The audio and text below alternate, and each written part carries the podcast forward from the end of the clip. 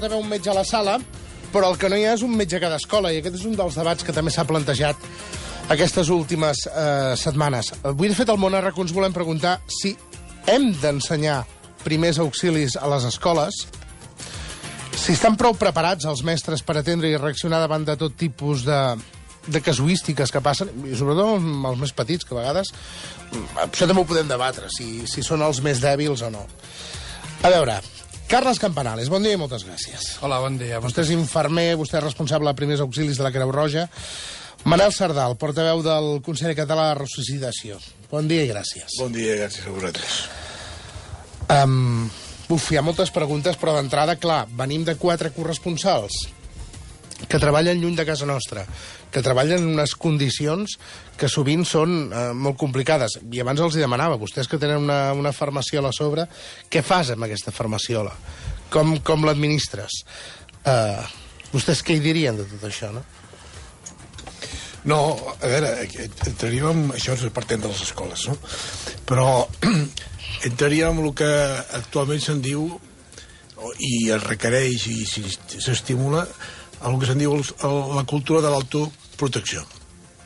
És a dir, hauríem d'estar formats amb aquells aspectes, reconèixer aquelles situacions sobtades, generalment, no?, que tenen i poden tenir importància i que nosaltres podem fer coses en espera de l'atenció definitiva. No, ara hi anirem, ara hi anirem.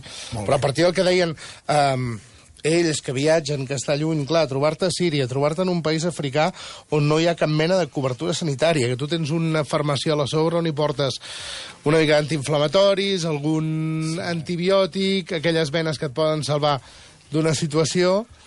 Clar, sí, podríem agafar i tindre una farmaciola que la millor igual no seria ni suportable de portar, no? Han de ser... Han de ser s'han de portar coses bàsiques no? i coses bàsiques que hi ha, doncs, bueno, amb aquests extrems que hi ha, serien coses per, per, per solucionar una possible deshidratació, no? com poden ser el tipus de sals, no? eh, coses bàsiques, gases i venes, no?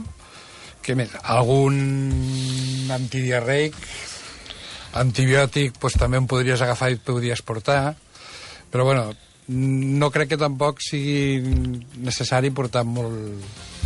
No, jo, jo diria que, que en aquestes circumstàncies hi ha un, una part del que se'n diu l'autoprotecció de la cultura, que és reconèixer les limitacions pròpies de les circumstàncies. Però, però aquest és el debat etern, suposo. No, tu, tu... Fins i tot quan viatgem. S'obrirem els oients ara després del butlletí, eh? 902477700, 902477700, al món, arroba racu.net, al final és dimecres i el dimecres fem el metge a casa des del món a racu. Digui, digui. No, no, això, que dic, per tant, si jo em vaig a creuar el desert, no?, jo sé que tinc unes limitacions en quant davant de les circumstàncies i, i això ho he d'assumir des del començament i per tant la, la farmaciola com diu ell no pot ser tot el que pot passar sinó allò més freqüent que pugui solucionar-se temporalment en aquell lloc on vaig jo evidentment que una deshidratació doncs, probablement la pot solucionar o algun tipus de ferida petita o alguna cosa d'aquestes, però no demanis segons què.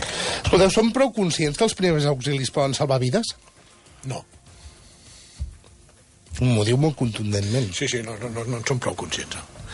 Eh, en aquest moment eh, estem treballant amb això, eh? però reconèixer situacions que amb el seu inici són fàcils de avisar, d'activar, de pre... inclús de prevenir que vagi més endavant, això no en som prou conscients, ni ens han ensenyat, eh? No ens han ensenyat. Ara, ara em dirà que tots hauríem de saber com va un desfibrilador, per exemple, o no? No. No. Clar, no. no. no, sí. No, no, és un altre dels debats no, no, que hi ha sobre sí, la taula, eh? Sí, però si entrem en aquest debat, eh, llavors, això no és la primera cosa que hauríem de saber. Què és el primer que hem de saber? Reconèixer la situació. O sigui, reconèixer quan una persona està, si podem, amb risc d'aturada cardíaca. Una persona reconèixer que una persona pot tindre en aquell moment un, una angina de pit és molt més prioritari que reconèixer o, o saber tindre un desfibrilador. Per què? Perquè si jo reconeixo que aquesta persona pot estar patint una, una angina de pit, activaré immediatament els sistemes d'emergència. Com se sap si algú té una angina de pit? Si tens un dolor toràcic, dolor toràcic, que no és traumàtic, aquest és el missatge general. vostè, el teu amic, esteu en un dinar, esteu fent... Eh, I després de... Ui, sembla que em fa mal el pit, tu, sembla que tinc aquí un dolor. I tu dius, no, home, no, això és la fabada que, que ens acabem de, de, fotre. Malament, no? Perquè a la millor sí que ho és, eh? Però com sigui una angina de pit, a partir d'aquell moment, en qualsevol segons després, pot aparèixer l'aturada cardíaca. A veure, li demanava... Som, som prou conscients que els primers auxilis poden salvar vides? Em deia, no, tots dos. Per què s'ensenyen primers auxilis a les escoles? Per què ens hauríem de posar les piles amb això?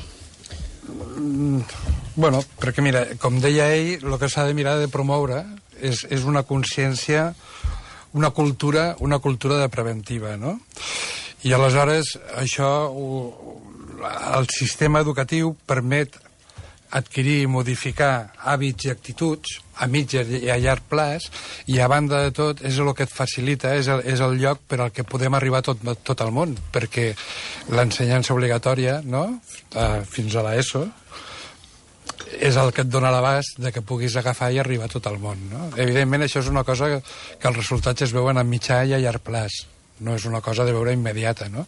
Però és el millor. També és qüestió de, de, de veure que els nens fins als 12-13 anys són esponges que ho assimilen tot i la qüestió és agafar... Aprofitem-ho, no? Clar, és aprofitar per crear aquesta cultura, no? Perquè una cosa que s'agafa i és puntual o fas una ensenyança puntual o solo toques una vegada segurament és fàcil d'aprendre però també és molt fàcil d'oblidar, no? No queda dintre, en canvi introduint-lo dintre de la seva vida quotidiana i, del seu, i, i, i dintre del col·legi i amb els seus docents no? habituals no? és una cosa que fa crear cultura, que queda dintre i no se'n va. S'està començant a P3, no, amb això ja? Sí. S'està ensenyant als nanos a fer el 112, sí. per exemple. Sí.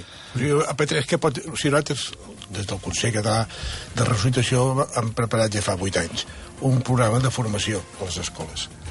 Eh, a partir d'un parell de, de principis, un d'ells és que qui millor pot formar els nanos són els mestres. No són no són ni els metges, ni els infermers, ni els jo, que van allí a ensenyar, sinó és el mestre amb el seu eh, fer a fer cada dia. Però els mestres no saben prou. Llavors, els de... llavors aquesta seria la segona cosa que hem de dir. No saben prou perquè probablement ja no se'ls ha ensenyat i moltes vegades quan se'ls ha ensenyat o se'ls pretén ensenyar, se'ls ensenya més coses de les que han de saber. O sigui, el mestre pot ensenyar perfectament allò que l'alumne ha d'aprendre. No? Allò que l'alumne ha d'aprendre allò que l'alumne... I l'alumne no ha d'aprendre ni medicina, ni infermeria, ni res d'això. Això no és el que ha d'aprendre. El que ha d'aprendre, un mestre ho ensenya millor que qualsevol altre. I això en tenim experiència eh, fer a fent. Eh? Escolti, senyor Sardà, per què el seu organisme es diu Consell Català de la Ressuscitació? Perquè és un consell, és una entitat científica, no és una entitat d'altre tipus, Eh, S'espanta una mica el tema ressuscitació, no? Ah, per la ressuscitació dius... Clar, ah, clar. No pensava que era el català. No, no. Aquí arribem. El, la ressuscitació és un terme que és internacional. I, per tant, qualsevol mm, d'allò que es refereixi a una persona que ha perdut el coneixement i que la seva funció cerebral i cardíaca i respiratòria ha perdut, eh, el que es fa es diu maniobres de ressuscitació i aquí no li canviarem el nom perquè així ens entenem arreu del món, no? I la reanimació, que seria l'alternativa que moltes vegades diu, es deixa més pels àmbits postquirúrgics, anestèsics, són persones que estan vives mentre que la resuscitació es fa seguir més quan el pacient ja està aturat. Més o menys aniré per aquí.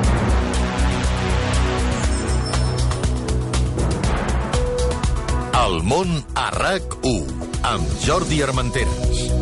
11 i 4 minuts amb Carles Campanales, infermer responsable de primers auxilis de la Creu Roja, i amb Manel Sardal, portaveu del Consell Català de la Ressuscitació. Ara explicàvem com anava això. Mirin, un primer correu electrònic. Ens diu en Juli de Reus, on puc adreçar-me per formar-me personalment en primers auxilis? Bueno, és de Reus, no? Sí. Bé, eh, es pot adreçar a l'Assemblea Local de Creu Roja, allà li poden donar tot tipus d'informació de quins són els cursos a l'abast i, quines són, i explicar ell quines necessitats té i a partir d'aquí eh, li orientaran en quina és la formació a fer. Aquests cursos són gratuïts? Aquests cursos són gratuïts? No. Què valen, sap? No. Uh, Home, tot depèn, van en funció de, també del número d'hores i de les necessitats que tu tinguis, no?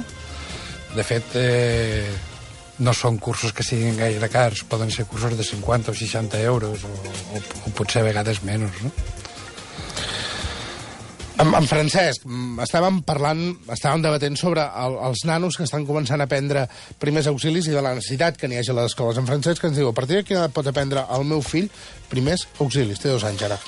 Dos anys. Bueno, això, nosaltres, el, el, el programa que tenim de formació a les escoles se'n diu formació en espiral, perquè cada any es fa un tema que pot, pot ser assolit per aquest nen i al mateix temps que es recorda el de l'any anterior.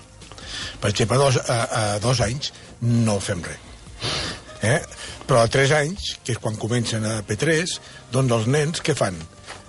Pinten l'1, l'1 i el 2, els enganxen... Ara només falta que ens canviïn aquest telèfon algun dia, eh? No, Home, han, han de canviar-lo tota Europa, eh? I per, ens haurien de tensar els americans, llavors ens diríem 911, però no ho crec. Eh, el, és a dir, van cosetes, no? Els hi expliquen un conte, a, P, a P4, amb aquest conte a l'avi cau, i han de cridar la iaia, no? Eh, a P5 eh, ja saben que aquest número el poden marcar, que P3 no els ensenyen a marcar, però P5 sí. És a dir, va pujant cada any, van fer una mica més, no? Fins que arribes a l'edat que per la teva talla i pel teu pes pots fer coses que no podries fer abans. Per exemple, als 10 anys poden posar una persona que està inconscient en una posició que no s'ofegui, i això ho poden fer perfectament, i ho fan, però en canvi no podrien fer compressions toràciques per aturada. Senyors, la Carmina no ens diu d'on és. Diu, si el meu fill es dona un cop molt fort al cap i es mareja, com he d'actuar? Eh, Això és un clàssic, eh? Sí, sí. Si el meu fill es dona un cop molt fort al cap i es mareja, com he d'actuar? Això serien primers auxilis, no? Sí. Això serien primers auxilis, sí, efectivament. Eh, si està marejat, el, principi, bueno, el principal és agafar i procurar que no caigui de cap puesto. O sigui, primer una mica de seguretat, no? I després eh, seria alertar. Sí, sí. sí. Si el nano després de caure es mareja, eh, no, hi ha, evident, no hi ha dubte que el primer que s'ha de fer és alertar el sistema d'emergències. al El sistema 112. d'emergències, eh? L'ideal és alertar el sistema d'emergències, no portar-lo a... Hem baixat la guàrdia amb el tema dels primers auxilis? Ostres, abans ens espavilàvem molt més. No Ara sé. al final... Jo, jo crec que ens l'hem baixat perquè, eh, vaja, jo, per la meva edat, mm, doncs ja soc granat, eh, la meva àvia en sabia molt. No? Davant de les coses aquestes que realment hem de saber, sabia de reconèixer-ho i sabia què fer. Eh, això, la meva, els meus pares ja crec que en sabien menys no? I eh, bé, jo perquè som metge, però els altres del meu dia probablement ho han deixat més que ho faiguin, no? Ja tenim assistència, ja tenim metge, ja tenim caps, tenim tot, per tant, d'això no me'n preocupo. Mira, un cas molt, molt clar, i així podem acabar. La Marta ens diu, si un nen cau i es fa una ferida a la cama i li surt molta sang, com puc aturar aquesta hemorràgia? Això és, és facilíssim. Això és facilíssim i surt hasta els TVOs. Quan sortia a l'Otilio, que tenia, feia un forat amb una canyeria Sí. d'aigua, no? doncs ell posava el dit. El que hem de fer nosaltres és amb un bocador o amb alguna cosa neta, no? una gassa, és comprimir és comprimir i aquesta, aquesta hemorràgia depenent de, també de la magnitud que tingui l'hem- l'hemorràgia, no? Si és un tall i l'hemorràgia és, eh, no és un tall molt profund, amb la compressió sola, mantenint-la en 3 minuts aproximadament, deixa de sangrar, no? Si és més gran, la, fem la mateixa maniobra i com no ho podrem solucionar, el que hem de fer és alertar Sempre. per Sí, fer... aquest és, un, per exemple, que tu cites una cosa, és un clàssic, no? I, i estava igual que l'altre, no? Aquest any es publicaran, la comunitat científica fa una, una revisió de les recomanacions que es fa enfront de situacions de- d'emergència, no? I aquest any, per primera vegada, s'hi ha introduït, a dins d'aquestes recomanacions, les recomanacions de primers auxilis. Uh -huh. És a dir, què s'ha d'ensenyar? Perquè un dels problemes que probablement han patit i que han fet és que han volgut ensenyar més coses de les que s'han d'ensenyar. I això el que fa és crear més dubtes i dir, ui, això és més complicat. I des de fa uns anys el que ens estem dedicant fonamentalment és a dir, no, no, ensenyem només allò que s'ha d'ensenyar tornant a allò que he dit abans, hi han coses que passen només cada, molt cada quan i deixem de cantó. No? I, per tant, aquest any es posa per primera vegada internacionalment, es diu amb els primers auxilis hi hauria d'haver-hi això. Com una pregunta jo. Mm. Miri, la Marta de Sant Feliu ens diu per què no posen d'una vegada per totes l'assignatura de primers auxilis com a obligatòria a les escoles, no? Sí, això, això, això de fet, eh, a, Madrid van treure l'educació per a la ciutadania, no? Uh -huh. I ara ja han posat, no sé com se diu, amb el alumne. I amb aquesta, de, de fet, ja estava, està inclòs. I aquí s'ha intentat, però sempre ens ha dit això depèn de Madrid, els currículums escolars depenen de Madrid, i canviar-los no és fàcil, sembla ser. Per tant, Acabo amb una pregunta jo. Uh, què passa amb la gent que és molt aprensiva? Va, una recomanació, vostès que estan tan acostumats a, a treballar-hi. Una recomanació, aquella... I diu què passa amb una persona que és tímida el que no podem fer és estar sobre d'ella no? perquè probablement encara estarà més aprensiva no? tampoc cal dir tampoc que això no és res, això no és res, no és res Però hauríem d'informar tranquil·lament d'aquelles coses que realment mm, són no? I, i buscar i ensenyar-los aquells signes que realment tenen importància i no aquells que poden ser secundaris de 50.000 coses Senyors, Campanales, Cerdà, gràcies per venir al món RQ. Digui, digui. No, volia incidir en això, no? que és molt important ensenyar únicament allò que vols que aprenguin, no? perquè quan dones massa informació, no? I, i hi ha, moltes vegades és informació que ell no podrà fer servir mai, perquè moltes vegades no? es fan com si fossin per metges o, o com deia en Manel abans no? la qüestió no és ensenyar a ser metge ni infermer sinó a ser una persona normal i correnta del carrer i que té que actuar amb aquells eh, mitjans de què tens abast en cada dia no? i això és, és una cosa que és important no? Sí, nosaltres, no, per acabar, no, volia dir dues coses. Una és que cada any el 16 d'octubre de, de, el Parlament Europeu va acordar que es, decidi, es dediqués a la importància de la sensibilització sobre les emergències vitals, la mort uh. -huh. sobtada sobretot, però, i aquest any el 16 d'octubre ho tornarà a ser i esperem que puguem vindre a explicar què farem aquest dia a nivell global. Molt bé. I després, respecte als primers auxilis, aquest any la Diputació de Barcelona hem fet un, un conveni de col·laboració i durant tot l'any es, eh, hi haurà entre 8.000 6.500 i 8.000 persones, ciutadans, que faran un curs de primers auxilis a les poblacions de menys de 50.000 habitants.